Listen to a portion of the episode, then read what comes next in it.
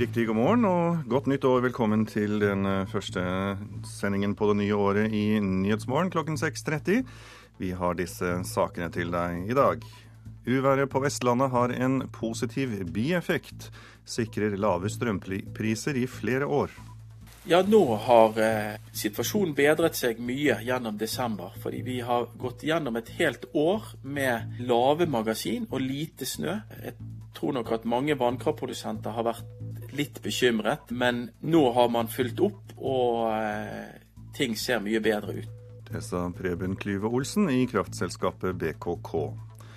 Vi skal ta et overblikk over den humanitære situasjonen på kloden vår når presidenten i Norges Røde Kors kommer på besøk. Og statsminister Erna Solberg glemte verden i sin første nyttårstale. Det mener retorikkeksperter. Og programleder i dag, det er Tor Albert Frøsland.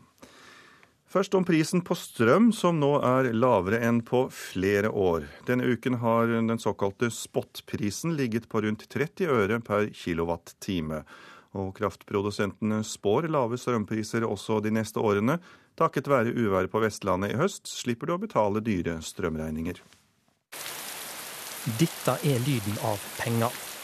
Regnet som har hølja nedover oss i høst, har fylt opp vannmagasinene til kraftprodusentene, noe som strømkundene nå nyter godt av. Denne uka ligger spotprisen på strøm på rundt 30 øre per kilowattime.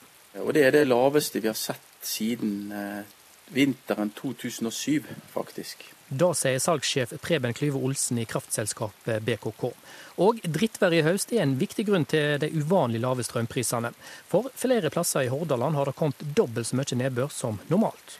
Ja, nå har eh, situasjonen bedret seg mye gjennom desember. Fordi vi har gått gjennom et helt år med lave magasin og lite snø. Jeg tror nok at mange vannkraftprodusenter har vært litt bekymret, men nå har man fulgt opp, og eh, ting ser mye bedre ut. Og gleden over lave strømpriser blir ikke kortvarig, spår Klyve Olsen. Ja, Det er jo været som eh, er den viktigste prisdriveren. Eh, så så lenge du har eh, normalt vær, så vil du se lave priser de neste to-tre årene. Og I tillegg så bygger vi nå mer produksjonskapasitet på vindkraft og vannkraft som kommer inn. Og I tillegg så skal Finland starte opp et stort kjernekraftverk i 2016. Og da blir det eh, veldig mye produksjon i forhold til forbruket. Det betyr rett og slett at eh, strømprisene vil holde seg lave eh, lenge, da? Ja, dette fremtidige markedet det priser jo det ned til ja, 27 øre de neste to-tre årene. Så det er det som er forventningen, ja. Reporter det var Per Vidar Raunholm. Volden i Sør-Sudan må ta slutt. Det er stort behov for forsoning mellom partene. Det sier FNs spesialutsending til Sør-Sudan, Hildre Frafjord Jonsson. Presidenten i landet innførte i går unntakstilstand i to delstater. I dag starter fredsforhandlingene i Etiopias hovedstad Addis Abeba. Det viktigste nå er å stoppe volden, sier Jonsson. Stopping the fighting is number one. Number two is to talk through uh, a political solution to these uh, problems. There is certainly a need for reconciliation. The violence of the last 19 days have uh, opened up old wounds and brought back nightmares for so many people, and they've deepened the crisis. Volden i Sør-Sudan de siste dagene har åpnet gamle sår og brakt tilbake marerittene for veldig mange mennesker og gjort den vanskelige situasjonen i landet verre. Det sa Hilde Frafjord Jonsson til BBC. Vi har fått besøk av presidenten i Norges Røde Kors, Sven Mollekleiv. Vi skal prate litt om de humanitære utfordringene og titte litt tilbake på fjorårets eh, utfordringer av humanitær art. For fjoråret var fullt av utfordringer. Fortell. Ja, i en verden der eh, vi heldigvis ser nedgang i barnedødelighet, der færre eh, rammes av hiv-aids, der eh, millioner av mennesker løftes ut av fattigdom, så så vi i fjoråret en utvikling som er, innebærer en rekke humanitære utfordringer. Flere flyktninger, flere internt fordrevne. Som et resultat både av krig, konflikt, vold og ikke minst klimaendringer. Situasjonen i Sør-Sudan er et eksempel på en ny konflikt som blusser opp, hvor sivilbefolkningen er de som rammes, rammes hardt. Et annet eksempel er jo den eh, fortvilte og helt kritiske situasjonen i eh, Syria. Eh, nå på tredje året eh, ser vi altså at eh, nesten halvparten av Syrias befolkning på over 20 millioner er direkte rammet. Eh, seks-syv millioner mennesker fordrevet i eget land, og tre millioner ut. Hva slags type utfordringer eh, er det som er mest krevende? Ja, det er eh, konflikter hvor vi nå ser at FN ikke får tilgang slik vi ser det i Syria, hvor det er Syria Røde Halvmåne og Internasjonale Røde Kors-komiteen som er de som i stor grad også må distribuere mat og medisiner for FN-systemet, fordi FN ikke får tilgang. Vi ser eh, at dette temaet 'health care in danger', altså stadig flere helsearbeidere, blir rammet. De er der for å hjelpe ofrene, men blir selv eh, offer. Eh, vi ser eh, også naturkatastrofer som har et slikt omfang. Vi så det i Filippinene, hvor eh, man rammer hele samfunn på kort og lang sikt. Fortell oss hvordan dere som hjelpeorganisasjon velger ut hvilke kriser dere skal prioritere. Ja, Det første for Røde Kors Røde Halvmåne er jo den viktige tilstedeværelsen. Eh, forskning viser at 90% av alle de som får hjelp i kriser, konflikter, naturkatastrofer, får eh, eh, lokalt basert hjelp. Så det å være til stede og det å bygge kapasitet slik at folk kan hjelpe seg selv gjennom dels å forebygge hvis vi vet at naturkatastrofen kan oppstå, men dels også å være til stede på alle sider av frontlinjen, er helt avgjørende. Så derfor, sånn som å være til stede i Den sentralafrikanske republikk og i Kongo, og i Afghanistan og Irak, er helt avgjørende. Ja, eh, Fortell oss hva som blir viktig nå i 2014 for dere, kort til slutt. Ja, først så vil jeg utfordre alle politikere i det internasjonale samfunn. Det er en skam at, eh, og det er fortvilt at situasjonen i Syria får lov til å fortsette. Det må bli slutt på kamphandlingene. Man må få uh, sikre humanitære korridorer.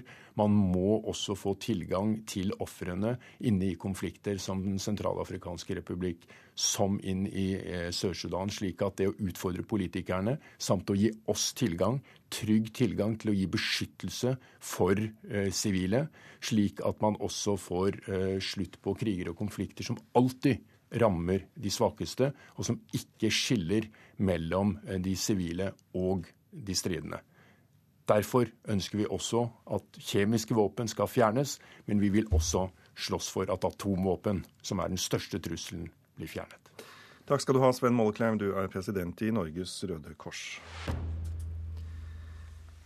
Så til hjemlige forhold. Erna Solbergs første nyttårstale som statsminister kan bidra til mer åpenhet rundt psykisk sykdom og hull i CV-en. Det håper daglig leder ved Bodø bakeri, Bjarne Mosås. Bakeriet er en av bedriftene som gjennom prøveprosjektet Kom i jobb har hjulpet flere mennesker inn i arbeidslivet igjen. I talen oppfordret Erna Solberg flere arbeidsgivere til å gjøre som dem. Halvparten av oss blir rammet i løpet av livet. Ikke verst det første. Dette er de ble ikke nevnt ved navn, men for Anne Enge fra Bodø var ikke budskapet ukjent. Det var jo ting som var tatt direkte fra den saken som vi hadde for et par uker siden. Like før jul fortalte NRK om 27-åringens nye arbeidshverdag. Etter en sykdomsperiode med innleggelse i psykiatrien, fikk hun gjennom prosjektet Kom i jobb muligheten i arbeidslivet igjen. Temaet kom aller først i statsministerens nyttårstale i går. Jeg vil oppfordre arbeidsgivere til å ansette flere som har et hull i CV-en. Det betyr jo veldig mye, det. Eh, jeg håper jo at det blir litt mer åpenhet rundt det. Og Anne får støtte fra daglig leder ved Bodø bakeri, Bjarne Mosås, som var den som ga henne sjansen i arbeidslivet igjen, til tross for hullet i CV-en. Folk er litt redd for å snakke om det, både de som sliter med det sjøl, og vi som arbeidsgivere. Og Det syns jeg er litt synd, for det er en del av livet, og det bør vi ikke gjemme under en stol. Eh, det skaper iallfall litt mer åpenhet om det når statsministeren står frem og, og snakker om dette her. Da hadde du Mens Anne vil bruke det nye året på å hjelpe andre i samme situasjon, skal Mosås i Bodø bakeri fortsette å gi folk sjansen. Bare i Bodø er 25 mennesker kommet seg ut i ordinær jobb siden oppstarten i februar i fjor. Nå håper han lovnaden fra statsministeren om å styrke det psykiske helsetilbudet følges opp med handling. Dette prosjektet som vi har vært en del av nå, er jo bare et prøveprosjekt i noen få kommuner. og det, det må ut nasjonalt og så få ordentlige resultater over hele landet. Reporter, det var Ole Marius Rørstad. Og Erna Solbergs første nyttårstale som statsminister var godt fremført, men hun glemte å snakke om verden. Det er dommen fra språkprofessor Jens Kjeldsen og retorikkekspert Kjell Terje Ringdal. Jeg ble overrasket over hun sto. Det syns jeg var veldig fint. En super forandring. Det gjør noe med pusten, det gjør noe med stilen. Det faktum at det er en stående tale fra statsministerboligen, er et godt grep. Denne talen er uh, god. Den er uh, godt framført. Det er trygt uh, og solid. Ekspertene mener også alle at statsministeren burde snakket langt mer om verden utenfor Norge. Ringdal sier det slik. Det var som om Norge var helt alene på kloden i en tid der Europa sliter med arbeidsledighet, økonomi, store miljøproblemer. Og det er nesten påfallende at de tingene ikke kommer opp. Reporter var Sindre Heirdal. Så skal vi titte litt på forsidene på avisene i dag. I Aftenposten så kan vi lese at halvparten ønsker å jobbe utenom rushtiden. Dersom 5-10% av oss virkelig gjorde det, ville det hatt stor effekt. Shippingmannen Jon Fredriksen satser nær 20 milliarder kroner sammen med en lokal indianerstamme i Canada i et naturgasseventyr. Utbyggingen skal skje i noen av de rikeste fiskefjordene i landet, skriver Dagens Næringsliv.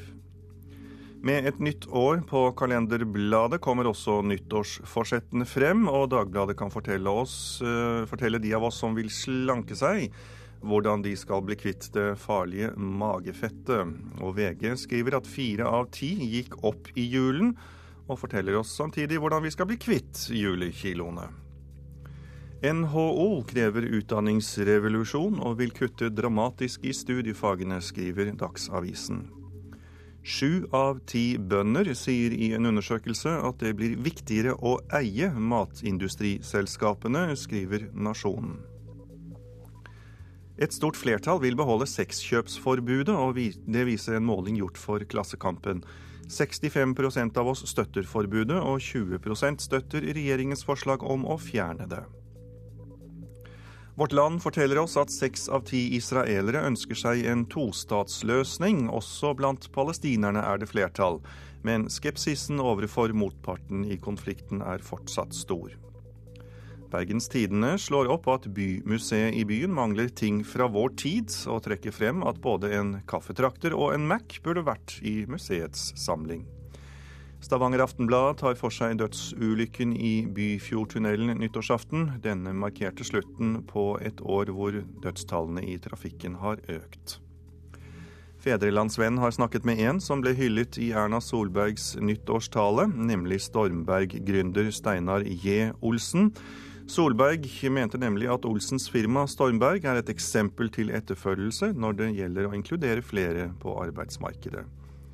Og Nordlys slår opp den nye direkteruten til Tromsø, som er spesielt myntet på asiatiske turister som er på jakt etter nordlyset.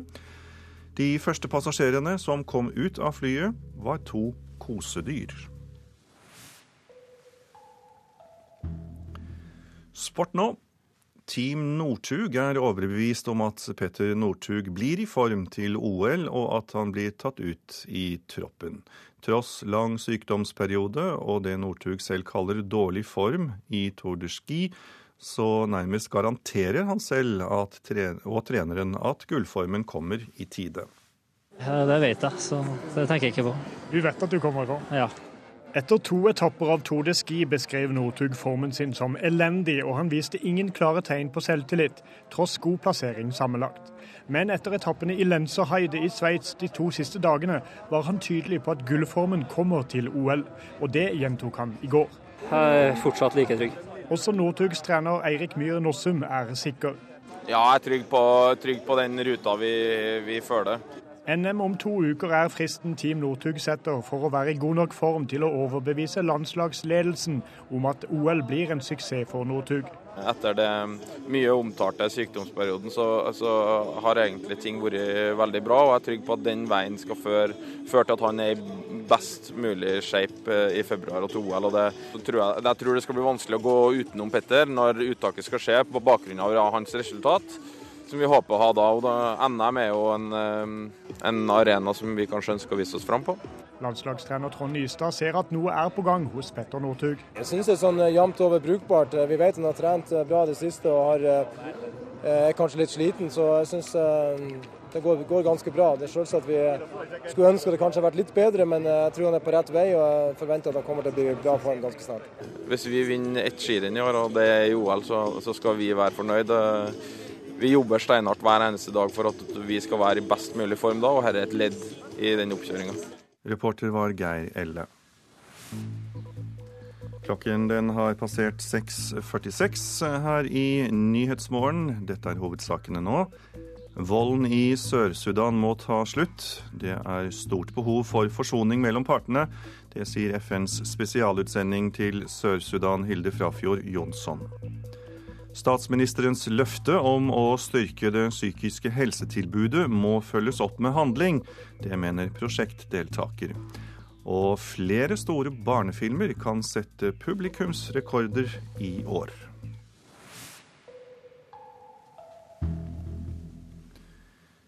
Nå skal vi høre at i, eh, på mandag så starter rettssaken der fem nordmenn er tiltalt for å ha forsøkt å smugle 260 kilo hasj fra Danmark til Norge. En 49 år gammel mann fra Arendal ble skutt og drept av politiet i forbindelse med smuglerforsøket. Allan Overgård, politikommissær i Nord-Jylland, sier de tiltalte risikerer over ti års fengsel. Altså Straffen for narkotikasmugling i Danmark øh, den er, den er altså over ti års fengsel, så, så det, er, det er høye strafferammer i. Det var 6. januar i fjor at bevæpna politi aksjonerte mot en hurtigbåt i Ålbæk som var på vei til Norge. I båten befant det seg tre personer, den avdøde 49-åringen fra Arendal og to nordmenn som er tiltalt i saken. I båten fant politiet 260 kilo hasj. Allan Overgård, etterforsker i Nord-Jylland politidistrikt, sier saken er svært alvorlig. Smugling av narkotika er et samfunnsmessig stort øh, problem, og det er en samfunnsmessig farlig kriminell atferd. Så, så det, er jo, det, er jo, det der ligger tyngde i den måten politiet håndterer de her ting på. Det oppsto skuddveksling mellom den avdøde 49-åringen og politiet, som førte til at mannen fra Arendal ble skutt og drept. Overgård forteller at etterforskningen har vært svært krevende. Det, det der er utfordrende øh, ved, ved, den type miljøer som vi har etterforsket i når man snakker narkotikasmugling, det er at det er jo lukkede miljøer. Og det stiller noen særlige krav til, til den måten man, man etterforsker sånn noe på. Og det er vanskelig, og det tar lang tid. Og det er satt av seks dager til rettssaken, og NRK følger saken i Danmark. Reporter Rebekka Tronsen. Full tilgjengelighet til NRKs arkiv for publikum, det blir en godbit vi her i NRK kan tilby nå i 2014. og Derfor er du kommet eh, på besøk. Nina Benedicte Fleischer, du er gruppeleder i NRKs arkivseksjon. Du må fortelle, Velkommen, selvfølgelig. Du må fortelle oss eh, hvor mange timer NRK nå kan eh, by det norske folk å søke i. Dette gjelder 150 000 timer arkivstoff, og det er ca. 50 000 TV-timer og 100 000 radiotimer. Så det er et stort materiale. Ja, det må jeg si. Det tar noen timer å lytte seg gjennom det. Mhm. Du, Hva slags strategi har vi i NRK for det som legges ut? Det vi første gang tenker å legge ut, er det vi kaller TV-historien. Vi begynner med TV før vi begynner på radio. Og det er de store produksjonene gjennom tiårene fra 1960 og frem til 1997. Um, ehm, som har liksom satt spor i det norske folk. Store dramaserier som Vestavind, fjernsynsteater. Og også alt dette med barneprogrammer som folk husker veldig godt. Uh, som vi ønsker da, å presentere tiår for tiår. Apropos fjernsynsteater, jeg tenkte vi kunne høre litt fra det dere nå har eh, lagt ut. Åtte unge menn var tiltalt for å ha offentliggjort opplysninger til skade for rikets sikkerhet. Etter at i høsten 1983 i avisa Ikkevold avslørte eksistensen av et ubåtlytteanlegg på Andøya i Nordland. Første ledds første straffealternativ. For rettsstridig å ha satt seg eller andre i besittelse av noe som bør hemmeligholdes av hensyn til rikets sikkerhet, like overfor annen stat. Av hensyn til rikets sikkerhet het eh, dette fjernsynsteatret om ikke-voldssaken, og den ble sendt 2. mai i 1989. Du forteller oss hvor annerledes var det vi sendte den gang. Har du fått noen overraskelser i det du har tittet på? Det vi ser, er jo at det går jo gjerne litt sånn seinere enn det gjør nå. Eh, og, og, det er jo generelt litt sånn mindre formatert, det som vi sendte før. Eh, det går saktere. Det er, programmer kan være alt fra syv minutter til 47 minutter. Det er ikke som nå at alt er en halvtime eller time. Um, og så er det jo selvfølgelig en helt annen stil på, på skuespillet og dramatikken. Særlig innenfor drama, syns jeg. Enda mer enn innenfor barne-TV og andre produksjoner. Men dere har også lagt ut eh, andre ting. La oss høre. Det mest sjokkerende jeg har opplevd, det var en mor med barnevogn. Og så ville jeg levere en løpeseddel. Det er bestemødre mot atomkrig og opprustning. Så svarer denne skjønne unge moren med de to barna, så svarer hun meg mine barn de skal forsvares med atomvåpen. Da tenkte jeg OK. ok, Så, så stupid går det an å bli. Det vil ikke være en blomst mer, det vil ikke være liv i det hele tatt hvis det blir en realitet. Dette var en dokumentar om bestemødrene mot atomvåpen, som i 20 år protesterte foran Stortinget hver onsdag, og dette programmet ble sendt i 1990. Til slutt, Nina Benedicte Fleischer, hva tror du kan komme til å overraske oss som lyttere og seere av det digitale arkivet? Eh, det er kanskje mengden, og så er det mye som jeg tenker at man tenker at humor og mye eh, av dette er så annerledes og kanskje ikke så spennende. Men det er utrolig mye bra. Det er masse gullkorn, og jeg tror er, folk kan få nyte dette som de har betalt for via lisensen i alle år nå i mange år fremover. Og det blir veldig gøy å legge ut. Takk skal du ha, Nina Bedingte Fleischer, som er gruppeleder i NRKs arkivseksjon. Både Kaptein Sabeltann, Karsten og Petra og Jo Nesbøs eh, Doktor Proktors prompepulver skal konkurrere om de yngste på kinoene i år. Hele åtte norske barne- og ungdomsfilmer kommer på kino. Først ut er filmen 'Kule kids gråter ikke'. Det er, det er et, bilde, et bilde i filmen som faktisk er tatt. Filmregissør Katarina Lauring peker på en stor, hvit villa. Det var dette nabolaget på Oslo vest hun så for seg da hun laget en av årets barnefilmer, 'Kule kids gråter ikke'. Filmen handler om en livsglad jente som får leukemi. Lover du å gjøre meg frisk? Jeg lover å prøve så godt jeg kan. Du må love meg. Sverg på barten din. 'Kule kids gråter ikke' er bare én av i alt åtte norske barne- og ungdomsfilmer som kommer på kino i år. Jeg er så fornøyd med den. Den har veldig mye latter, veldig mye glede og også veldig mye tårer.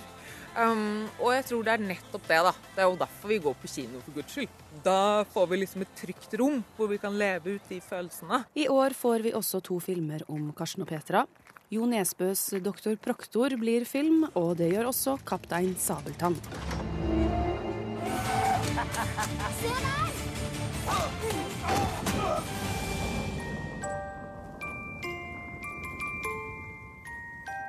Det store vinduet er jo ut mot Kristiansand havn. Lyse lokaler og med havet rett i nærheten. Terje Formoe, mannen bak Kaptein Sabeltann, ser ut mot sjøen fra vinduet på kontoret sitt i Kristiansand. Han ser frem til å få den kjente karakteren fra mange år med barneteater opp på filmlerretet. Ja, jeg, jeg har mye forventninger, jeg har mye glede over det som allerede har skjedd. Men jeg gleder meg egentlig til å følge prosessen, for det er jo mange måneder igjen egentlig til produktet er ferdig. 'Kaptein Sabeltann og skatten i Lama Rama' er tidenes dyreste norske familiefilm med et budsjett på nærmere 50 millioner kroner.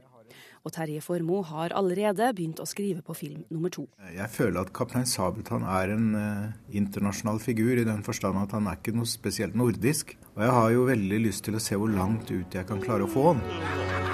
Barnefilmkonsulent Tonje Hardersen i bransjeorganisasjonen Film og Kino mener flere av barnefilmene kommer til å trekke et stort publikum til kinoene. Det er jo mange veldig kjente navn blant de barnefilmene som kommer. Eh, så jeg har stor tro på flere, jeg. Det kommer jo nye filmer til Karsten og Petra-oppfølgeren, som jo trakk eh, over 200 000 besøkende i år. Og I tillegg så kommer selvfølgelig 'Kaptein Sabeltann', så den kan også bli ganske stor.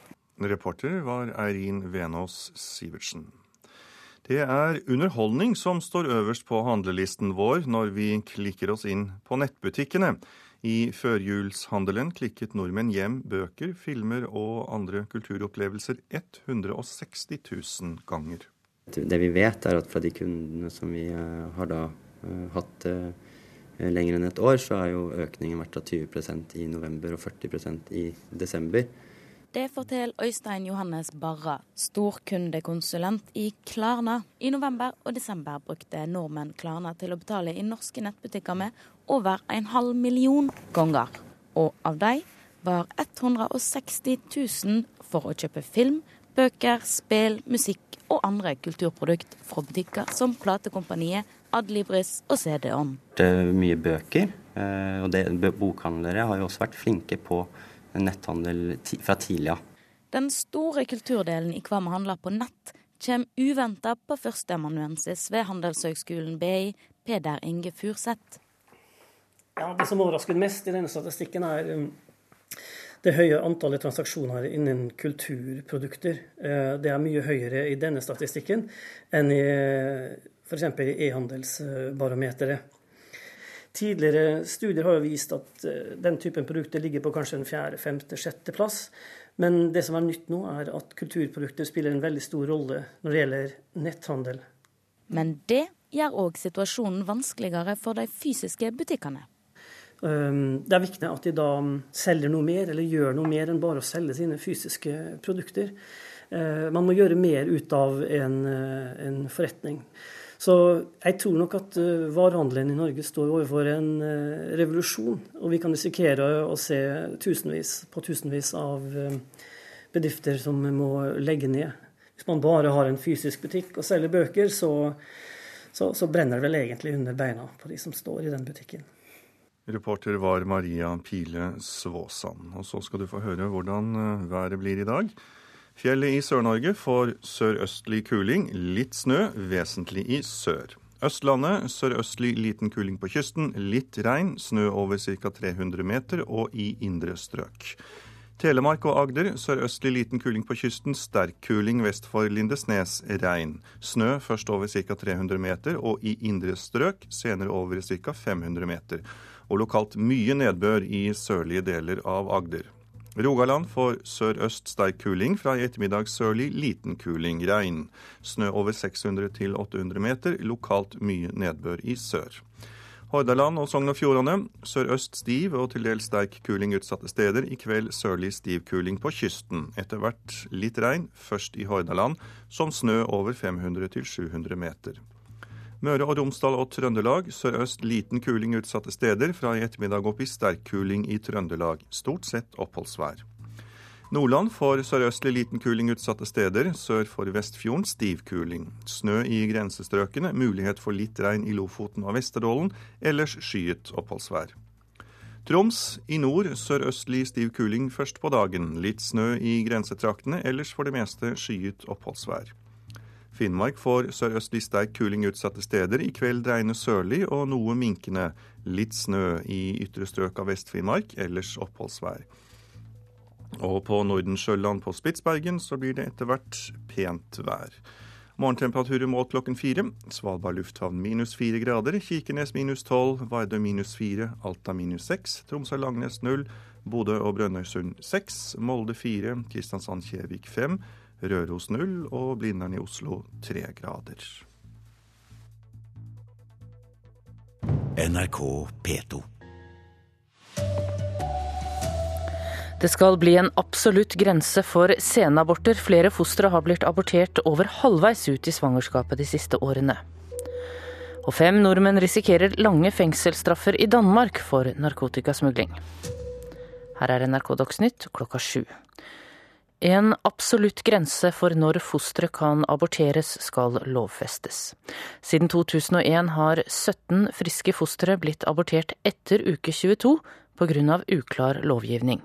Helsepolitisk talsperson i Kristelig Folkeparti Olaug Bollestad sier loven har vært for utydelig. Det sier meg noe om at forskriften og loven ikke har vært tydelige nok, og det skulle jo egentlig ikke ha skjedd. En uavhengig ekspertgruppe ble oppnevnt etter at de ulovlige senabortene ble kjent våren 2012.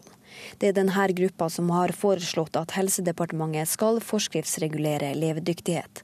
Ekspertgruppa slår nemlig fast at det har vært betydelige ulikheter og uklarheter i hvordan loven forstås og praktiseres. Nå skal Helsedepartementet lovfeste det som er dagens praksis. Ingen som er over 21 uker og 6 dager kan bli abortert. Abort skal ikke skje på fostre som har mulighet for å kunne leve.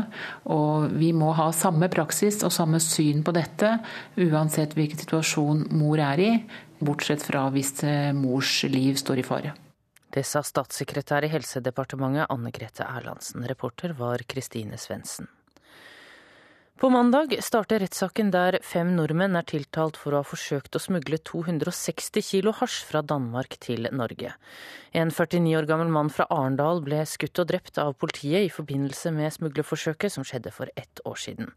Allan Overgard, som er politikommissær i Nord-Jylland, sier de tiltalte risikerer over ti års fengsel. Smugling av narkotika er et samfunnsmessig stort øh, problem, og det er en samfunnsmessig farlig kriminell atferd. Så, så det, er jo, det, er jo, det der ligger tyngde i den måten politiet håndterer de her ting på.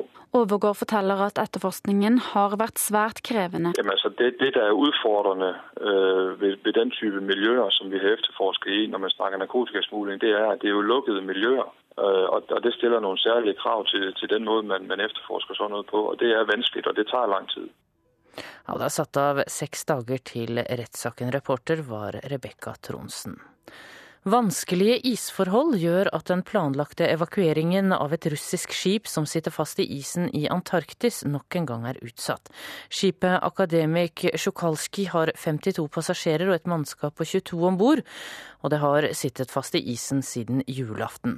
Alle forsøk på å nå skipet ved hjelp av isbryter har mislykkes, og dårlig vær har også hindret bruk av helikopter. Det var NRK Dagsnytt, i studio Tone Nordahl. Og Nyhetsmorgen fortsetter her i P2 og Alltid nyheter. Og i den neste halve timen skal vi bl.a. innom disse sakene. Som vi hørte nå nettopp i Dagsnytt, gravide skal ikke lenger ha mulighet til å få innvilget abort etter uke 22, og det skal vi ha mer om. Retorikkeksperter mener statsministeren fortjener et nytt kallenavn fra Jern-Erna til mor Teresa etter hennes første nyttårstale. Og russisk boikott av norsk fisk vil ikke ramme andre markeder, mener Sjømatrådet. En absolutt grense for når fosteret kan aborteres skal lovfestes. Gravide skal ikke lenger ha mulighet til å få innvilget abort etter uke 22. De siste årene har 17 friske fostre blitt adoptert etter uke 22 pga. uklar lovgivning. Det stoppa ikke før jordmødrene på Rikshospitalet sa ifra. De hadde abortert flere friske fostre på samme størrelse med de for tidlig fødte barna sykehuset prøvde å redde. Noen av de aborterte hadde et hjerte som slo i 90 minutter før det stoppa. Det kan ikke jeg eh, si noe om hvorfor det har vært sånn. Det har vært en praksis som vi har bedt om at blir eh, skjerpet inn. Eller ikke vi, men som ble gjort for to år siden. Sier statssekretær i Helsedepartementet Anne Grete Erlandsen. De 17 ble abortert fordi mødrene var i en vanskelig livssituasjon. F.eks. kan de ha blitt gravide etter et overgrep eller ha vært psykisk syke. Den sentrale abortklagenemnda som innvilga abortene, gjorde det fordi de tolka uke 22 som en veiledende og ikke en absolutt grense. Det sier meg noe om at forskriften og loven ikke har vært tydelige nok. Sier helsepolitisk talsperson i KrF, Olaug Bollestad. Det viser jo at dette ikke har fungert optimalt sånn som tanken var. Og da syns jeg det er bra at det blir tatt tak i, det er KrF glad for. Fordi det er sånn at det skulle jo egentlig ikke ha skjedd. En uavhengig ekspertgruppe ble oppnevnt etter at de ulovlige seinabortene ble kjent våren 2012. Det er denne gruppa som har foreslått at Helsedepartementet skal forskriftsregulere levedyktighet. Ekspertgruppa slår nemlig fast at det har vært betydelige ulikheter og uklarheter i hvordan loven forstås og praktiseres.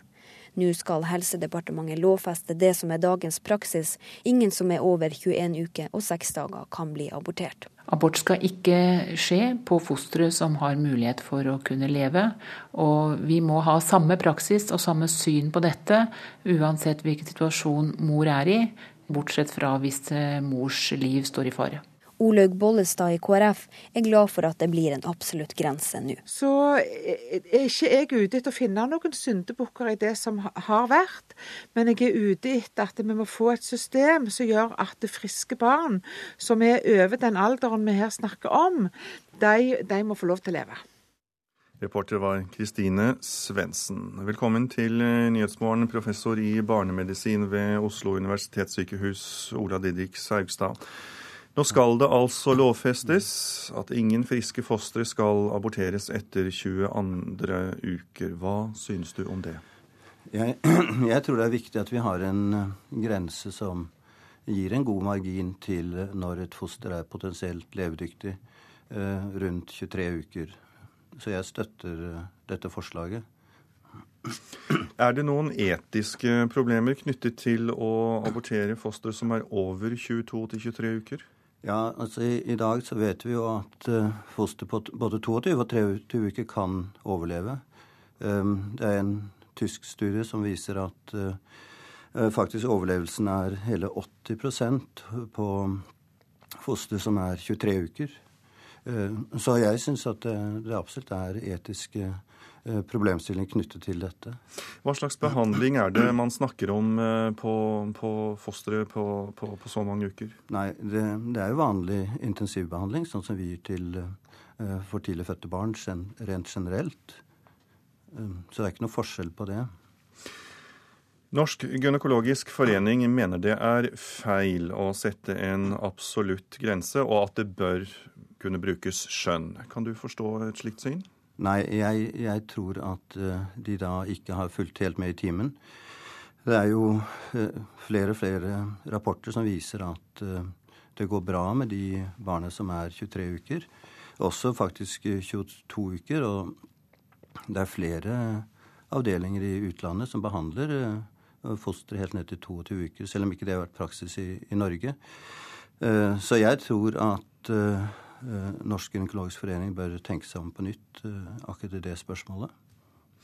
Disse abortene som vi hørte om i, i, reportasjen, de foregikk i over ti år, men ble først oppdaget eh, da et sykehus, Rikshospitalet, fikk ansvar for å utføre abortene. Hvorfor tror du de foregikk så lenge? Nei, Det er ikke så godt å si, men det kan jo være at uh, man ikke var så interessert i problemstillingen. Uh, og at kanskje man ikke var klar over at uh, foster som er 23 uker, har en ganske god prognose i dag. Uh, kanskje legge til at uh, en helt fersk tysk undersøkelse som kom nå rett før julaften, viser at ikke bare 23-ukerne overlever i 80% men de har forbausende få skader også i forhold til det man har hatt tidligere. Tror du grensen kan flyttes enda lavere med tanke på at medisinen utvikler seg? Medisinfaget? Ja, jeg kan ikke utelukke det. Altså, det er nå kommet flere rapporter, f.eks. fra Japan, som viser at uh, de behandler 22 uker og til og med 21 uker. Det har ikke vært uh, praksis i Norge, men, men uh, det kan komme ønske om at vi skal gjøre det også i Norge. Og da må vi tenke på om den grensen på 22 uker faktisk må flyttes ned én uke. Men det fins mulighet for å behandle også på 21 uker? Eh, det finnes eh, muligheter. Jeg har sett det i utlandet. Jeg har ikke vært med på det selv eh, i Norge, men det finnes muligheter. Og det kan jo tenkes at den utviklingen også kommer til Norge. Takk skal du ha, professor ved Oslo universitetssykehus, Ola Didrik Saugstad. Nå til statsministerens nyttårstale. Jern-Erna er historie. Nå ligner Erna Solberg mer på mor Teresa. Det er dommen fra retorikkeksperter etter statsministerens første nyttårstale. Kjære alle sammen. Etter ferien ser mange nå frem til å vende tilbake på jobb. En ny statsminister og en ny stil. I går kveld talte Erna Solberg til folket gjennom TV-ruta. Ikke sittende bak et skrivebord som forgjengerne, men stående med en knitrende peis og juletre i bakgrunnen. Det liker retorikkekspertene, her ved professor Jens Kjeldsen og Kjell Terje Ringdal. Jeg ble overrasket over hun sto. Det syns jeg var veldig fint. En super forandring. Det gjør noe med pusten, det gjør noe med stilen. Det faktum at det er en stående tale fra statsministerboligen, er et godt grep. Denne talen er uh, god. Den er uh, godt framført. Det er trygt uh, og solid. Og språkkjennerne mener statsministeren også klarer å fremstå som myk og samlende. Med de tre temaene psykisk helse Dette er en av våre store folkesykdommer. Mobbing. Vi som er voksne, må ta tak i mobbing blant barn og unge. Og skole. Flere elever må få møte sin drømmelærer. Berit von der Lippe er retorikkprofessor ved Handelshøyskolen BI. Hun mener Solberg fortjener et nytt kallenavn. Det er um, absolutt ikke en Jern-Erna som snakker. Her var Erna, hvis jeg kan si det, litt mer mor Teresa. Image av at Høyre er et parti for de vellykkede og for de rike. Det er det motsatte i en viss forstand hun prøver å få frem. Og det er jo interessant. Så hun står jo som den gode, smilende, trøstende, omfavnende mor. Statsministerens nyttårstale er en snart 70 år gammel tradisjon. Likevel tror verken von der Lippe eller Kjeldsen at årets nyttårstale blir spesielt minneverdig det var ikke noen stor tale. Jeg vil ikke si hun hadde noen rød tråd i talen. Det var ikke en tale som tok mange sjanser eller risiko. Øh, det, det var vel litt sånn flinkt, kan man si. Ekspertene mener også alle at statsministeren burde snakket langt mer om verden utenfor Norge. Ringdal sier det slik. Det var om Norge øh, var helt alene på kloden i en tid der Europa sliter med arbeidsledighet, økonomi, store miljøproblemer som altså ikke blir berørt. Og Det er nesten påfallende at de tingene ikke kommer opp. Reporter var Sindre Heierdal. Og i denne nyttårstalen da så oppfordret statsminister Erna Solberg arbeidsgivere til å ta sjansen på å ansette folk som har falt utenfor arbeidslivet pga. psykiske problemer. Og jeg har med meg Dagfinn Bjørgen, som er landsleder i Mental Helse. God morgen, Bjørgen. God morgen. Hva tenkte du da du hørte det statsministeren sa i går? Det var svært gledelig og helt nødvendig, dessverre. Eh, vi har hatt en eh, opptrappingsplan og en stor satsing på psykisk helse lenge, men vi har mislyktes med å gi folk muligheten til å komme tilbake til jobb. Du sier dessverre, men eh, hvorfor er det så viktig at statsministeren tar opp dette? Det er svært viktig fordi mange som er på uføretrygd, ønsker seg tilbake til jobb, og det er mange som er i fare med å komme inn i en uføresituasjon. Og det koster samfunnet mye, og det koster også mye for de menneskene som kommer i den situasjonen. Ja, når det gjelder disse menneskene, fortell oss eh, hva er det som gjør det vanskelig i dag for folk med psykiske problemer å komme seg i jobb? En viktig bit i dette vil jo være at arbeidsgivere selvfølgelig er mer åpne for å ha hull i CV-en. Eh, men det er også slik at eh, det er eh, oppfølging, det er også kanskje insentiver i forhold til arbeidsgivere som vi kunne ha gjort mer av for å forsøke å få en fortgang i det. Hva slags insentiver da? Et av forslagene som har vært opp, har jo vært dette med å gi fritak fra arbeidsgiveravgift i en periode. Eh, og så eh, vil jeg jo si at flere burde ha vært med i en IA-ordning, hvor eh, en delmål to der går på at folk skal komme ut i jobb. Nå trekker altså da Erna Solberg frem problemet i talen sin. Men slik du ser det, da, har regjeringen gode nok planer for å tilrettelegge? Jeg tror det, regjeringen vil få store utfordringer i forhold til det å få løst målet om at folk skal komme ut i jobb. Vi har hatt en periode hvor det fortsatt har en sterk vekst i antall jobber i Norge, men andelen med de med funksjonshemma er ikke tilsvarende. Og Hvordan mener du da regjeringen skal håndtere dette? Jeg mener at de må se på insentivene i forhold til jobbmarkedet, men de må også se på behovet for å revidere hvordan behandling tilbys i Norge. En annen ting i dette er jo arbeidsgiverne. Eh, hvordan skal man få motivert disse som naturlig nok er opptatt av lønnsomhet i eh, bedriftene sine? Jeg tror jo at noe av det med å lette på dette trykket med arbeidsgiveravgift kan være en del av dette, men like viktig er det jo å vise fram de gode eksemplene, og at eh, arbeidsgivere er trygge på at folk som de ansetter, også har en oppfølging som gjør at de ikke blir sittende med et problem sjøl. Takk skal du ha, landsleder i Mental Helse, Dagfinn Bjørken. Da har klokken passert 7.15. Eh, Det er Nyhetsmorgen du lytter til i P2 og Alltid nyheter, og dette er hovedsakene nå. Uklar lovgivning førte til at fostre som kunne overlevd, ble abortert. Nå blir det en absolutt grense for senaborter. Retorikkeksperter mener statsministeren fortjener et nytt kallenavn fra Jern-Erna til mor Teresa etter nyttårstalen. Og en av de største utfordringene for den nye samlingsregjeringen i Tyskland, det er å få fart på den såkalte energirevolusjonen, overgangen til fornybar energi. Nå skal vi høre at den russiske boikotten av visse typer norsk fisk vil ikke gå utover eksporten til andre land. Det mener både Mattilsynet og Norsk sjømatråd. Men forbudet rammer flere norske bedrifter hardt. Det sier regiondirektør Bjørn Røthe Knutsen i Mattilsynet. Enkelte, særlig i pelagisk sektor, har store eksportkvanta til Russland som nå er bort. I går innførte Russland forbud mot import av visse typer norsk fisk. Russiske styresmakter mener enkelte norske produsenter av fiskemat ikke har tilfredsstillende kontroll med produktene sine.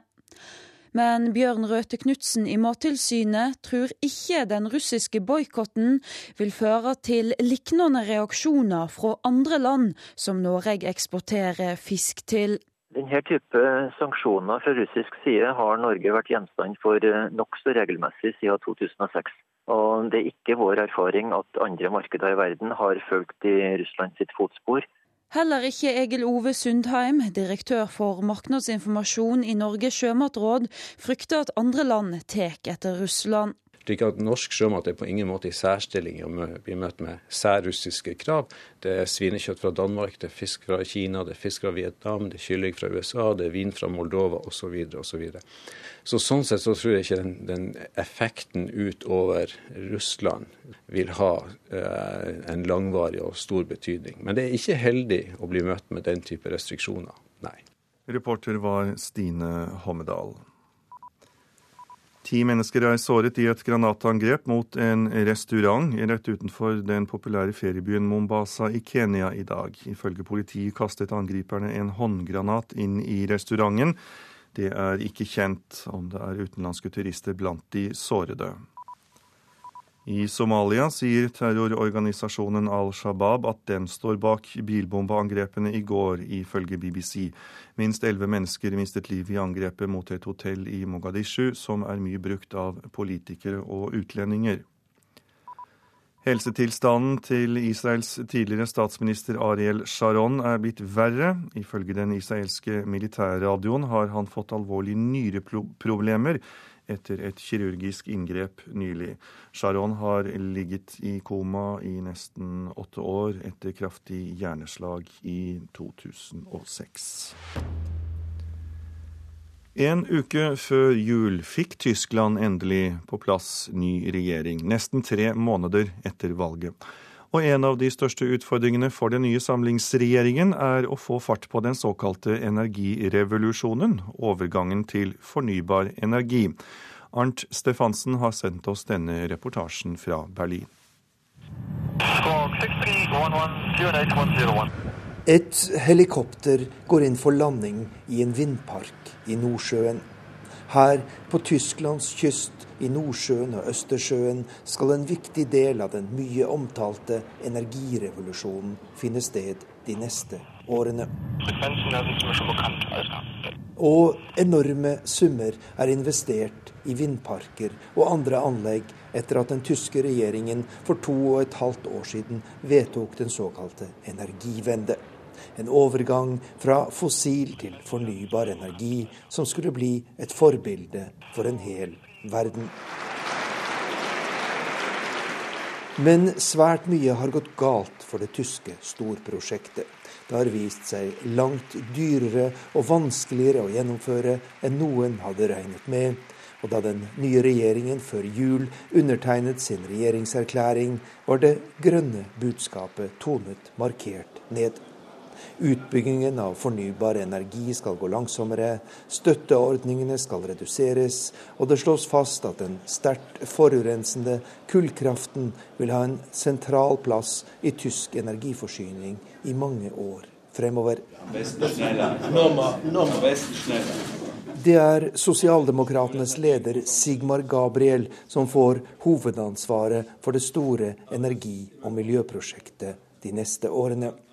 Han er Angela Merkels nye visekansler og såkalt superminister for industri og energi i den nye samlingsregjeringen.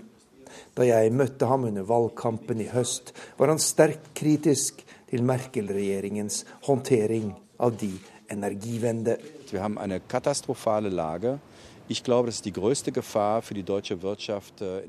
Äh. Situasjonen er katastrofal. Våre myndigheter har skapt et energikaos der industrien ikke lenger tør å investere i nye anlegg, og der det mest grunnleggende av alt, vår energiforsyning, er i fare.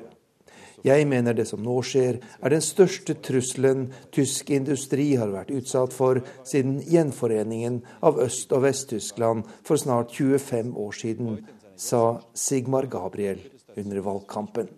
Nå sitter han selv med hovedansvaret for Tysklands energirevolusjon. Nå skal du få høre hva som står på noen forsider i avisene i dag. Aftenposten, der kan vi lese at halvparten ønsker å jobbe utenom rushtiden. Dersom 5-10% av oss virkelig gjorde det, ville dette hatt stor effekt. Shippingmannen Jon Fredriksen satser nærmere 20 milliarder kroner sammen med en lokal indianerstamme i Canada i et naturgasseventyr. Utbyggingen skal skje i noen av de rikeste fiskefjordene i landet, skriver Dagens Næringsliv. Med et nytt år på kalenderbladet så kommer også nyttårsforsettene frem, og Dagbladet kan fortelle de av oss som vil slanke seg, hvordan de skal bli kvitt det farlige magefettet. Og VG skriver at fire av ti av oss gikk opp i julen, og forteller oss samtidig hvordan vi skal bli kvitt julekiloene. NHO krever utdanningsrevolusjon og vil kutte dramatisk i studiefagene, forteller Dagsavisen. Sju av ti bønder sier i en undersøkelse at det blir viktigere å eie matindustriselskapene. Det skriver Nasjonen. Et stort flertall vil beholde sexkjøpsforbudet. Det viser en måling gjort for Klassekampen. 65% av oss støtter forbudet, og 20% støtter regjeringens forslag om å fjerne det. Vårt Land kan fortelle at seks av ti israelere ønsker seg en tostatsløsning. Også blant palestinerne er det flertall, men skepsisen overfor motparten i konflikten er fortsatt stor. Bergens Tidende slår opp at Bymuseet i byen mangler ting fra vår tid, og trekker frem at både en kaffetrakter og en Mac burde ha vært i museets samling. Stavanger Aftenblad skriver at dødsulykken i Byfjordtunnelen nyttårsaften markerte slutten på et år hvor dødstallene i trafikken økte. Fedrelandsvenn har snakket med en som ble hyllet i Erna Solbergs nyttårstale, nemlig Stormberg-gründer Steinar J. Olsen. Solberg mente nemlig at Olsens firma Stormberg er et eksempel til etterfølgelse når det gjelder å inkludere flere på arbeidsmarkedet. Nordlys slår opp den nye direkte flyruten til Tromsø, som er spesielt myntet på asiatiske turister som er på jakt etter nordlyset. De første passasjerene som kom ut av flyet, det var to kosedyr. Nå skal vi høre at politiet bruker stadig mer tid på psykiatrioppdrag. I fjor hadde politiet i Nord-Norge over 2400 oppdrag som de karakteriserte som psykiatri, og ved flere anledninger har de etterlyst hjelp fra helsevesenet. Utrykningene tar tid fra politiets egne oppdrag, forteller innsatsleder Ove André Hansen. Men i mange tilfeller så bruker vi mange timer oppe på legevakta. Vi bistår helsevesenet ganske mye med om det enten er transporter som går herifra Salten politidistrikt til andre eh, politidistrikt, eller eh, det er snakk om å hente folk i forhold til innleggelser, eller tvangsmedisinering. Men hos Nordlandssykehuset ønsker de ikke å innføre en ordning med såkalte psykebiler. Det forteller Trude Grønlund hos Nordlandssykehuset. I stedet velger sykehuset å opprette et psykiatrisk akutteam som skal kunne avlaste politiet. Eh, og de skal kunne rykke ut eh, enten i lag med politiet, eller politiet skal kunne tilkalle de og ambulansen for å rykke ut. Eh, på den måten så mener vi at de vil avlaste politiet for en del av transportene. Reporter var Håkon Jacobsen. Nå er det den tiden på året da røyken skal stumpes, beltet skal strammes og nettpokerkontoen skal stenges, men de færreste lykkes faktisk med nyttårsforsettene. Å ha urealistiske nyttårsforsetter er viktig for livskvaliteten, det mener sosialpsykolog Arnulf Kolstad. Jeg skal bare spise og bevege meg minst mulig. Og hvorfor da? Fordi at eh, jeg føler at det blir bare å svikte meg sjøl med å si at jeg skal begynne å trene. For at jeg holder kanskje på i en måned, og så er jeg dritlei. Atina Grytvik er en av mange som år etter år har gått inn i et nytt år med et mål om å forbedre seg. Nå har hun gitt opp etter mange mislykka forsøk, og hun er ikke alene. Forskning viser at kun 10% holder sine nyttårsforsetter.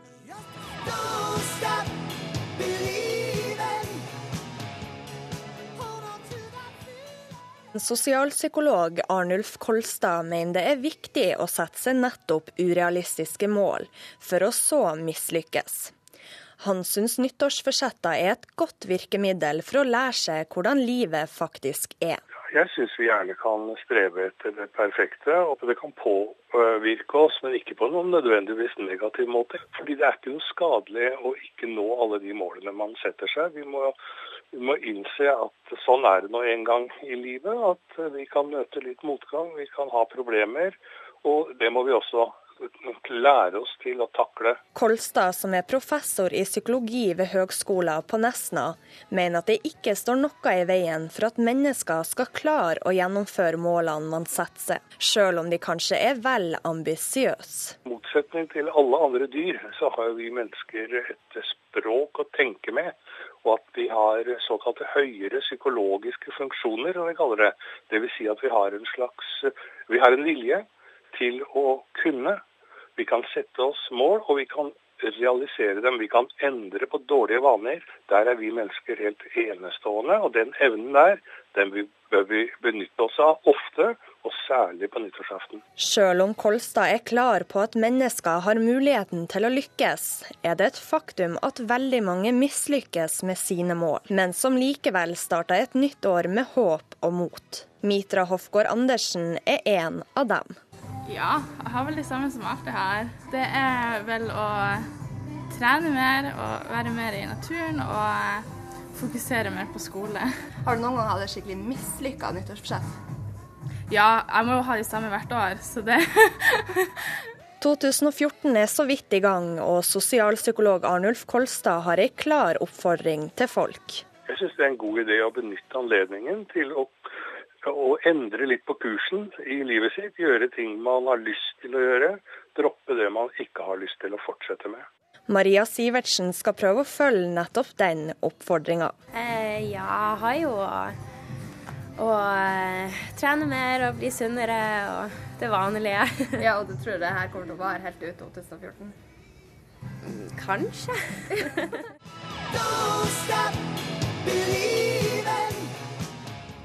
Reporter, det var Elise Holdal.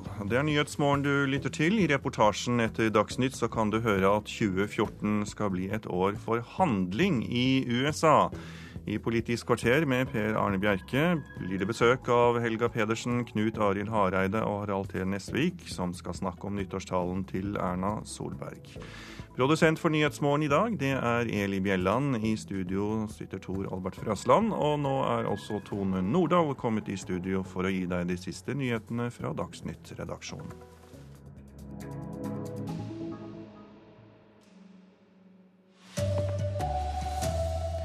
Det skal bli en absolutt grense for senaborter. Flere fostre har blitt abortert over halvveis ut i svangerskapet de siste årene. Erna Solberg fortjener et nytt kallenavn etter sin første nyttårstale, men retorikkeksperter. Fremstår ikke lenger som Jern-Erna. Og det er lurt å ha ambisiøse nyttårsforsetter, selv om man ikke greier å holde dem, mener psykolog. God morgen, her er NRK Dagsnytt klokka 7.30. Gravide skal ikke lenger ha mulighet til å få innvilget abort etter uke 22. De siste årene har 17 friske fostre blitt abortert etter uke 22 pga. uklar lovgivning. Flere av dem var like store som for tidlig fødte barn legene gjør alt de kan for å redde. Nå skal en absolutt grense for når fosteret kan aborteres lovfestes. Det stoppa ikke før jordmødrene på Rikshospitalet sa ifra. De hadde abortert flere friske fostre på samme størrelse med de for tidlig fødte barna sykehuset prøvde å redde. Noen av de aborterte hadde et hjerte som slo i 90 minutter før det stoppa. Det kan ikke jeg eh, si noe om hvorfor det har vært sånn. Det har vært en praksis som vi har bedt om at blir eh, skjerpet inn. Eller ikke vi, men som ble gjort for to år siden. Sier statssekretær i Helsedepartementet Anne Grete Erlandsen. De 17 ble abortert fordi mødrene var i en vanskelig livssituasjon, f.eks. kan de ha blitt gravide etter et overgrep eller ha vært psykisk syke. Den sentrale abortklagenemnda som innvilga abortene, gjorde det fordi de tolka uke 22 som en veiledende og ikke en absolutt grense. Nå skal Helsedepartementet lovfeste det som er dagens praksis. Ingen som er over 21 uker og seks dager kan bli abortert. Abort skal ikke skje på fostre som har mulighet for å kunne leve. Og vi må ha samme praksis og samme syn på dette, uansett hvilken situasjon mor er i bortsett fra hvis eh, mors liv står i fare. KrF mener seinabortene viser at loven ikke har vært tydelig nok. Derfor er helsepolitisk talsperson i partiet, Olaug Bollestad, glad for lovendringene. Så er ikke jeg ute etter å finne noen syndebukker i det som har vært, men jeg er ute etter at vi må få et system som gjør at friske barn må få lov til å leve. Reporter her var Kristine Svendsen. Og professor i barnemedisin ved Oslo universitetssykehus Ola Didrik Saugestad støtter forslaget om en absolutt abortgrense. Han sier barn født i uke 22 og uke 23 har gode muligheter til å overleve. Jeg tror det er viktig at vi har en eh, grense som gir en god margin til når et foster er potensielt levedyktig, eh, rundt 23 uker. Så jeg støtter eh, dette forslaget. I, I, dag så vet vi jo at uh, foster på både 22 og 23 uker kan overleve. Um, det er en tysk studie som viser at uh, faktisk overlevelsen er hele 80% på foster som er 23 uker. Så til Erna Solbergs første nyttårstale, som hun holdt i går kveld. Retorikkeksperter mener Jern-Erna er historie. Nå fremstår statsministeren mer som en slags mor Teresa. Kjære alle sammen. En ny statsminister og en ny stil. I går kveld talte Erna Solberg til folket gjennom TV-ruta. Ikke sittende bak et skrivebord som forgjengerne, men stående med en knitrende peis og juletre i bakgrunnen. Det liker retorikkekspertene her ved professor Jens Kjeldsen og Kjell Terje Ringdal. Jeg ble overrasket over hvor stor. Det syns jeg var veldig fint. En superforandring. Det gjør noe med pusten, det gjør noe med stilen. Og språkkjennerne mener statsministeren også klarer å fremstå som myk og samlende med de tre temaene psykisk helse Dette er en av våre store folkesykdommer. Mobbing. Vi som er voksne, må ta tak i mobbing blant barn og unge og skole. Flere elever må få møte sin drømmelærer. Berit von der Lippe er retorikkprofessor ved Handelshøyskolen BI. Hun mener Solberg fortjener et nytt kallenavn. Det er absolutt ikke en Jern-Erna som snakker. Her var Erna litt mer mor Teresa. Som den gode, smilende, trøstende, omfavnende mor. Likevel tror verken von der Lippe eller Kjeldsen at årets nyttårstale blir spesielt minneverdig. Jeg vil ikke si hun hadde noen rød tråd. Det var ikke en tale som tok mange sjanser eller risiko. Det, det var vel litt sånn flinkt, kan man si.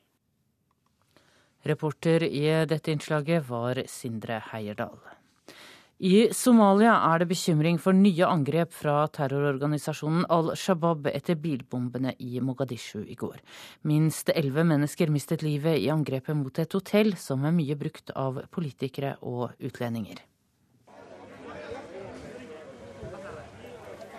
To menn i biler tungt lasta med sprengstoff var i ferd med å ta seg inn på området til hotell Jazira da de ble stoppa, og deretter sprengte de seg sjøl i lufta. Hotellet er mye brukt av utlendinger og politikere, og var ekstra vakta etter ei varsling om angrep på tirsdag.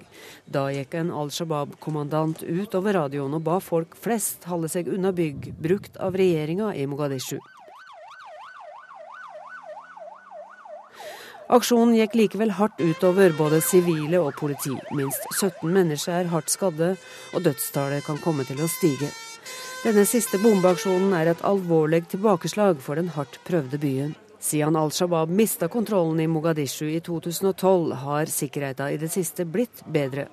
Al Shabaab sto også bak angrepet i Kenya sist september. Da mista 67 mennesker livet på et kjøpesenter i Nairobi. Det sa utenriksmedarbeider Sigrun Slappgård. Og nettopp i Kenya er ti mennesker såret i et granatangrep mot en restaurant like utenfor den populære feriebyen Mombasa. Ifølge politiet kastet angriperne en håndgranat inn i restauranten i morgentimene i dag. Det er nyttår, og mange har nok en gang planer om å stumpe røyken eller trene mer og gå ned i vekt. Men det er få av oss som lykkes med nyttårsforsettene. Likevel er det viktig for livskvaliteten å sette seg slike høye mål, mener sosialpsykolog Arnulf Kolstad. I Tromsø har Maria Sivertsen planene klare for det nye året. Å eh, trene mer og bli sunnere og det vanlige. ja, og du tror det her kommer til å vare helt ut 2014? Kanskje. Forskning viser at kun 10% holder sine nyttårsforsetter. Sosialpsykolog Arnulf Kolstad mener det er viktig å sette seg nettopp urealistiske mål, for å så mislykkes. Han syns nyttårsforsetter er et godt virkemiddel for å lære seg hvordan livet faktisk er. Fordi Det er ikke noe skadelig å ikke nå alle de målene man setter seg. Vi må vi må innse at sånn er det nå en gang i livet. At vi kan møte litt motgang, vi kan ha problemer. Og det må vi også lære oss til å takle. Kolstad, som er professor i psykologi ved Høgskolen på Nesna, mener at det ikke står noe i veien for at mennesker skal klare å gjennomføre målene man setter seg, selv om de kanskje er vel ambisiøse. Jeg syns det er en god idé å benytte anledningen til å, å, endre litt på kursen i livet sitt. Gjøre ting man har lyst til å gjøre. Droppe det man ikke har lyst til å fortsette med. Har du noen gang hatt et skikkelig mislykka nyttårsforsett? Ja, jeg må jo ha de samme hvert år, så det Reporter i dette innslaget var Elise Holdal. Så fotball. Det vil være en vitamininnsprøytning for norsk fotball å få en nordmann som manager i Premier League i Storbritannia. Det mener fotballekspert Lars Kjernås, som selv har vært assistentmanager i Wimbledon. Mye tyder på at Ole Gunnar Solskjær kommer til å bli ny sjef i Cardiff. Vi er i en eh, fase nå hvor landslaget og norsk fotball står internasjonalt dårligere enn vi har gjort på 15, kanskje 20 år. Da er det helt nødvendig og veldig veldig vellykka at vi får en manager inn i en sentral rolle i verdens mest populære liga og en av verdens beste ligaer. Ole Gunnar Solskjær satt sammen med Cardiff-eier Vincent Tann på Arsenals heimebane Emirates i går. De så heimelaget vinne 2-0. Etterpå kunne Arsenal-manager Arsen Wenger fortelle om møtet med Solskjær før oppgjøret i London. Yes, I've seen him before the game, yes. They played like they knew he was in the stand. Solskjær sjøl har vært tyst, det har òg klubbene Molde og Cardiff vært. For norsk fotball er det helt strålende. Men Lars Kjernås har trua på Solskjær suksess i den walisiske hovedstaden. En manager som lykkes, vil åpne øynene både for andre managere, trenere, men også for andre spillere. Jeg tror nok det vil bli den første effekten.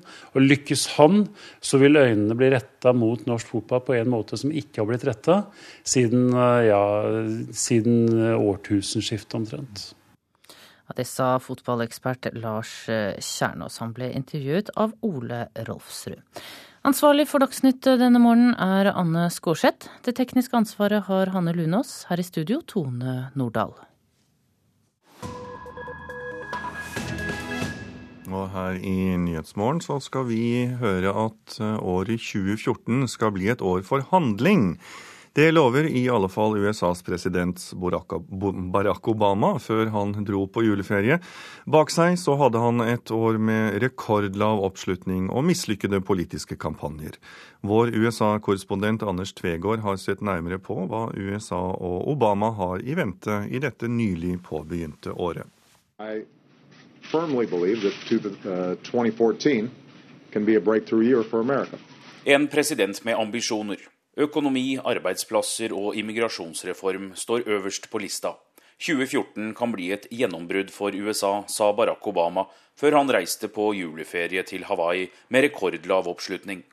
Bak seg har han lagt et år full av konfrontasjon med Kongressen, feilslått og pinlig internettlansering av helsereformen, stor kampanje for å endre våpenlovene og en ny immigrasjonsreform, uten å lykkes i særlig grad på noen av punktene. Men 2014 skal bli året for handling.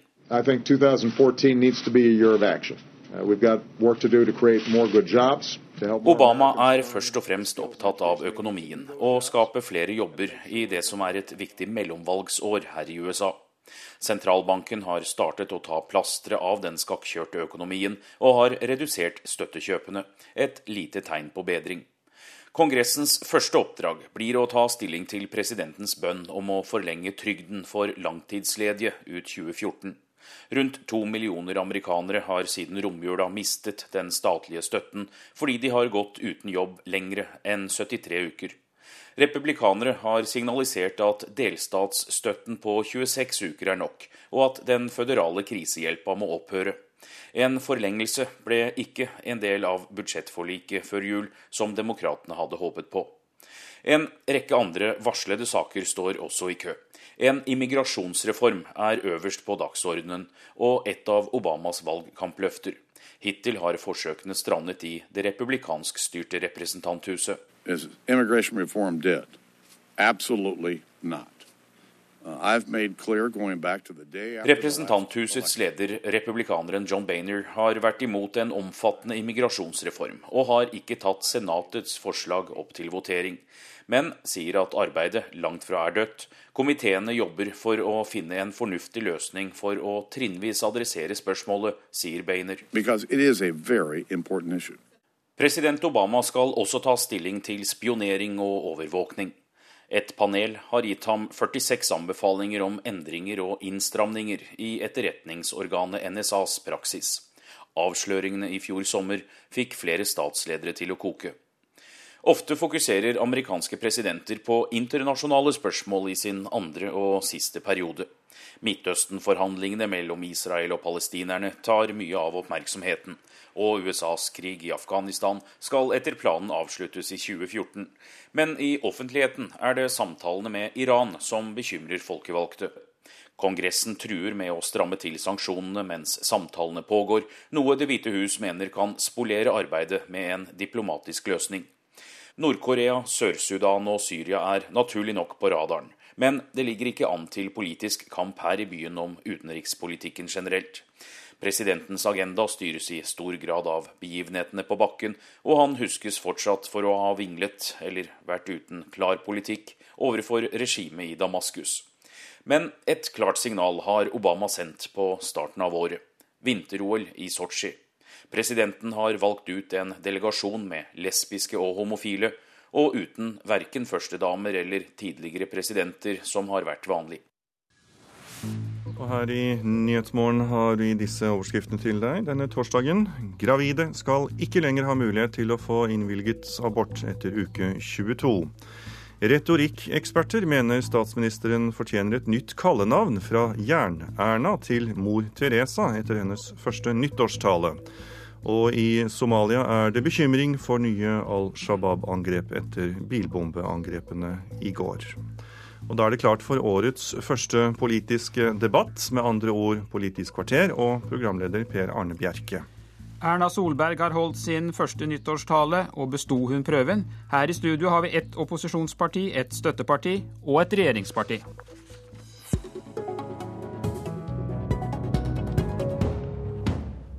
I går kveld sto Erna Solberg foran peisen i statsministerboligen og talte til folket. Og nestleder i Arbeiderpartiet, Helga Pedersen, hva synes du om talen? Jeg syns det var mye bra i talen. Jeg syns det var veldig bra at hun tok opp eh, tema som psykisk helse og kunnskap og fokuserte mye på det. Og der ga hun en virkelighetsbeskrivelse som det er brei politisk enighet eh, om eh, i Stortinget. Hvis det var to ting jeg savna i talen, så var det jo først og fremst det internasjonale perspektivet. Og jeg savner at hun adresserte klimautfordringer, som jo er vårt tids største problemer, som jeg tror veldig mange har kjent på kroppen nå i jula med det været som eh, har vært. Eh, det andre jeg savna, var jo en sammenheng mellom den virkelighetsbeskrivelsen hun ga, de utfordringene hun adresserte på eh, psykisk helse særlig, men at hun ikke pekte på noen løsninger og hva slags samfunn vi må skape for å kunne ta hånd om dem som lider av psykiske problemer. Leder i Kristelig Folkeparti, Knut Arild Hareide. Hvordan klarte statsministeren seg, synes du? Jeg syns du greide seg veldig godt i sin første tale som eh, statsminister. Det var en varm tale, engasjert. Jeg syns du òg viste en del av den Erna Solberg som kanskje ikke så mange eh, har sett tidligere. Eh, den, nettopp den engasjerte, rause personligheten som vi som kjenner henne, kjenner godt til. Jernerne er historie? Ja, til dels, det vil jeg si. Og jeg tror at eh, det norske folk likte det de fikk med seg eh, i går kveld. Og jeg likte det veldig godt eh, sjøl. Fordi at hun òg løfter opp noen av de utfordringene i vårt eget samfunn som vi ser vi må gjøre mer med. Som hun sa, de med en hull i CV-en må òg få en god jobb og få en utfordring, få vist at de kan greie utfordringer. Og jeg syns at hun gjorde det på en, på en veldig god måte måte. Så det er alltid lett for oss eh, å peke på de tingene som ikke er med i en sånn eh, tale. Og der er jeg for så vidt enig med Helga Pedersen på, på begge de to utfordringene der.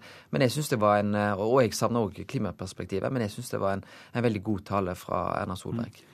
Harald Nesvik, parlamentarisk leder i Fremskrittspartiet. Du er vel nærmest forpliktet til å gi regjeringssjefen toppkarakter, eller hva? Nei, nå er nok uh, vi er et selvstendig parti, og jeg sjøl sitter i Stortinget og ikke sitter i regjering. Men jeg må få lov til å si at jeg syns eh, statsministeren virkelig leverte. Uh, det er en jordnær og god tale som griper oss alle. Fordi at statsministeren påpeker her noe svært vesentlig i samfunnet. Nettopp de personene som faller utenfor. Eh, og med psykisk helse så har vi det som vi definerer som den usynlige sykdom veldig ofte. Vil si at det er vanskelig å bli sett, det er vanskelig å vite at man faktisk er syk, fordi at eh, det er på sinnet gjerne man er syk, og ikke man, man har en bandasje på hånda etc. Så jeg syns det er et, en god tale av statsministeren. Jeg syns hun leverer godt. og så Apropos hva som skal være med og ikke være med. Det begrenser hva du får med på disse 10-12 minutter som man har til rådighet. Men jeg syns statsministeren griper inn i svært viktige tema. Og så er det andre ting selvfølgelig som man må gripe fatt i gjennom den generelle politikken gjennom hele året. Så du savnet ikke klimaperspektivet? Nei, altså Man kan godt si klimaproblematikken. Du har også det som har med, med justisproblematikken knytta til alt som vi ser rundt oss, eh, med store problemer, overfallsvoldtekter etc. Du har det samme innenfor uh, asyltilstrømning etc. Det er mange ting som kunne vært nevnt med her. Uh, og Derfor så tror jeg vi skal konsentrere oss om det som faktisk var med, uh, og viktigheten av de temaene som vi der kan samle oss om. Hvilket terningkast ville du gitt henne hvis du skulle trille terning? Nei, Jeg syns det var en eh, terningkast fem. Helga Pedersen, hva ville du ha gitt på terningen?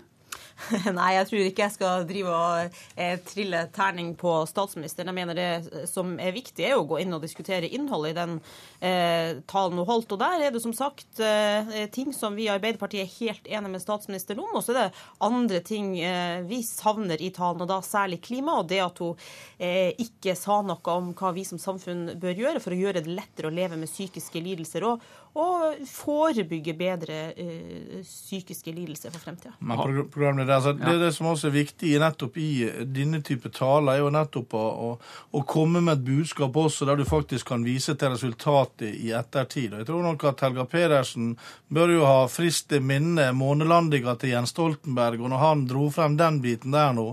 Og da får du også en forferdelig nedtur når du ikke klarer å levere. Og det er det som denne regjeringa nå skal vise frem. og det er nettopp at her kan man levere på disse eh, på områder som man faktisk ikke har kommet langt nok. Jeg vil jo si at det er veldig defensivt hvis Høyre og Fremskrittspartiet mener at eh, vi ikke skal tørre å sette oss mål eh, på det psykiske helseområdet. Det eneste statsministeren sa om, sin, om, om sine visjoner på dette området, er at Arbeiderpartiet skal, nei, om at regjeringa skal eh, arbeide for å styrke det psykiske folkehelsearbeidet. Det er svært lite forpliktende. Og Jeg merka meg særlig en selvmotsigelse som lå i talen, nemlig at hun, hun, hun snakka om det her med hull i CV-en, at arbeidslivet i større grad må legge til rette for å ansette folk med psykiske eh, lidelser.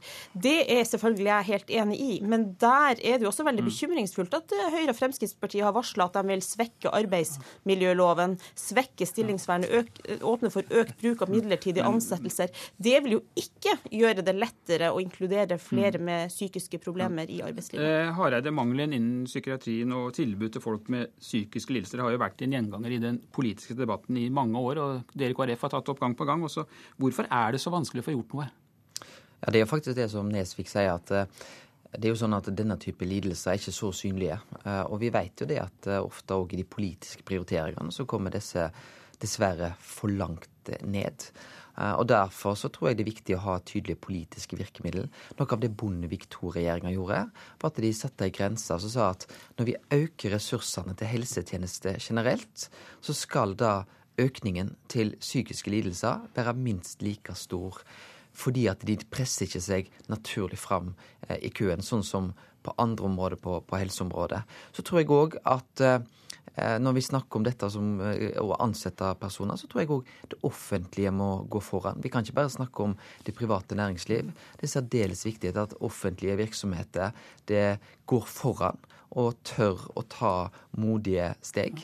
Stormberg, som ble trukket fram her i går av statsministeren, kom òg med et forslag som ikke nødvendigvis sier at vi kan gå for over bordet, men som er verdt å utrede. Kan vi se på f.eks. redusert arbeidsgiveravgift i en periode for å få ansette flere eh, med psykiske utfordringer?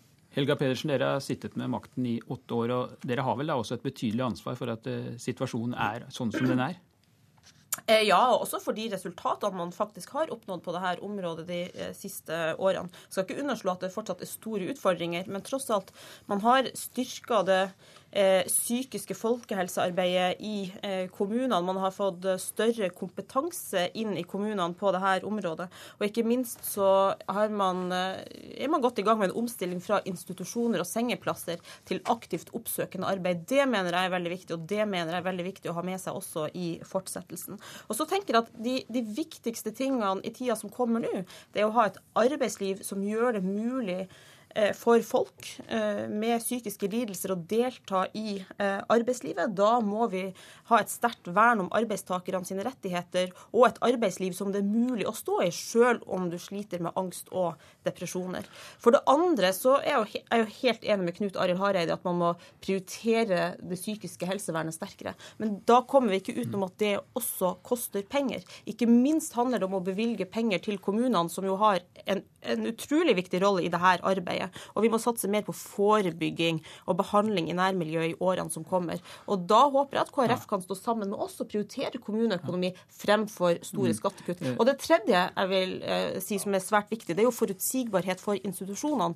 Både de eh, ideelle og, de, og, de, andre som finnes eh, i dag. Og Der vil jeg også oppfordre regjeringa til å svare på utfordringer fra de ideelle aktørene som har etterlyst svar på hvordan deres ramme Eh, vilkår vil være i tida som kommer, siden regjeringa varsla større konkurranse fra de kommersielle. Nesvik skal få lov å svare på vegne av regjeringspartiene, og du har jo selv jobbet med helsespørsmål i mange mange år. Nesvik, og Kan du på vegne av regjeringspartiene love at det nå blir noe mer enn ord? Ja, det kan jeg, fordi at, og det viste vi allerede i statsbudsjettet for det året vi nettopp har starta på. Nettopp at man skal satse på psykiatri, både på psykiatri og rus.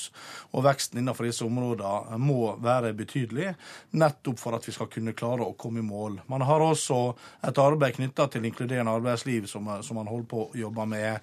Det er helt åpenbart at det offentlige har en betydelig rolle for å få disse tingene til å komme på plass. Når det gjelder regjeringa og knytta til det som har med kommuneøkonomi å ja, så tror jeg faktisk ikke den avgåtte regjeringa Stoltenberg eh, har så veldig mye å rope hurra for akkurat når det gjelder dette arbeidet her. Fordi at det er masse som gjenstår. Eh, det er på tide at man går mye grundigere inn i dette, nettopp for å se hvordan vi kan se enkeltmennesket bak dette her nå, og ikke bare snakke om et system. Det har med støtteordningen, det har med det å, å, å ta enkeltmennesket på alvor, det har med å legge forhold til rette for næringslivet, nettopp slik at man kan ha muligheten til å kunne ha denne mulighet, eh, få på plass disse systemene som bl.a. Stormberg eh, har klart å få til på en helt utmerket måte. Men La oss se litt mer på dette med økonomi. For i romjula så sa finansminister Siv Jensen at hun vil kutte selskapsskatten. I tillegg sa hun til Dagens Næringsliv at regjeringen har ambisjoner om reduksjoner i det samlede skatte- og avgiftsnivået. Og Hareide, vil du eller vil du ikke støtte et forslag om lavere skattenivå? Ja, Det er to ting finansministeren tar opp her, som du riktig sier. Det ene er jo det som går på selskapsskatten. Og Det har vi sett eh, i landene, nabolandene våre som har gått i den retningen. Sverige har redusert selskapsskatten. Eh, og Det tror jeg er riktig å gjøre, og det tror det er helt nødvendig å gjøre. Fordi dette handler om våre bedrifter som skal konkurrere. Men en trenger ikke nødvendigvis ha de store skattelettelsene de samla skattenivået av den grunn. Fordi at eh, når en reduserer det på selskapsbeskatningen, så kan en òg øke det eksempelvis på andre områder. Sånn at en ikke må på en måte nedprioritere viktige ja. velferdsområder. Men dere vil altså kutte det totale skattenivået, Nesvik. Hvordan skal du få penger til bl.a. Eh, psykisk helse hvis dere skal kutte skattenivået? Nei, altså Det norske statsbudsjettet uh, har uh, rom for endringer. og Det er først uh, for det året som vi nå går inn i at den sittende regjeringa får lov til å begynne å jobbe med et helt budsjett. I den forbindelse så vil man se på en rekke ting som bl.a. vi, vi vært tidligere enig og sikkert eh, fortsatt enig med KrF og Venstre om, knytta til forenkling, knytta til gjøre ting på en annen måte, bruke pengene annerledes. Så må vi også ta inn over oss at uh, Norge ikke er ei isolert øy uh, uten samkvem med, andre land. Da må vi også tilpasse oss den virkeligheten som finnes der ute. Selskapsskatten er ett av disse temaene, nettopp for å sikre norske arbeidsplasser i Norge. Sikre at bedriftene blir her, slik at vi kan skape disse arbeidsplassene som vi har behov for. Og så må ikke vi utelukkende se oss blind på akkurat dette her nå med, med reduksjon. fordi at uh, de insentivene som man gir her, vil jo også skaffe vekst i mm. økonomien. Slik at det vil frigjøre nettopp midler ja. til å kunne iverksette disse tiltakene. Helga Pedersen, er ikke det riktig at eh, det kan føre til ny vekst hvis man senker en del av skattene? Vel, Vi tok jo i vår initiativ til å senke selskapsskatten, men vi finansierte jo det ved å tette eh, skattehull og eh, ja, hente inn inntekter fra eh, andre områder. Og jeg er dypt bekymra over at Høyre og Fremskrittspartiet nå vil senke selskapsskatten og en rekke andre skatter og avgifter, og dermed, dermed gå til angrep på det såkalte provenyet, altså statens inntekter. Og Det vil føre til to ting. For det første større forskjeller mellom folk i Norge. Og Det er jo ingen grunn til å tro at ikke det også skal eh, føre til større eh, forskjeller eh, innenfor helse, sånn som vi jo veldig tydelig ser mellom Oslo vest og Oslo øst i dag.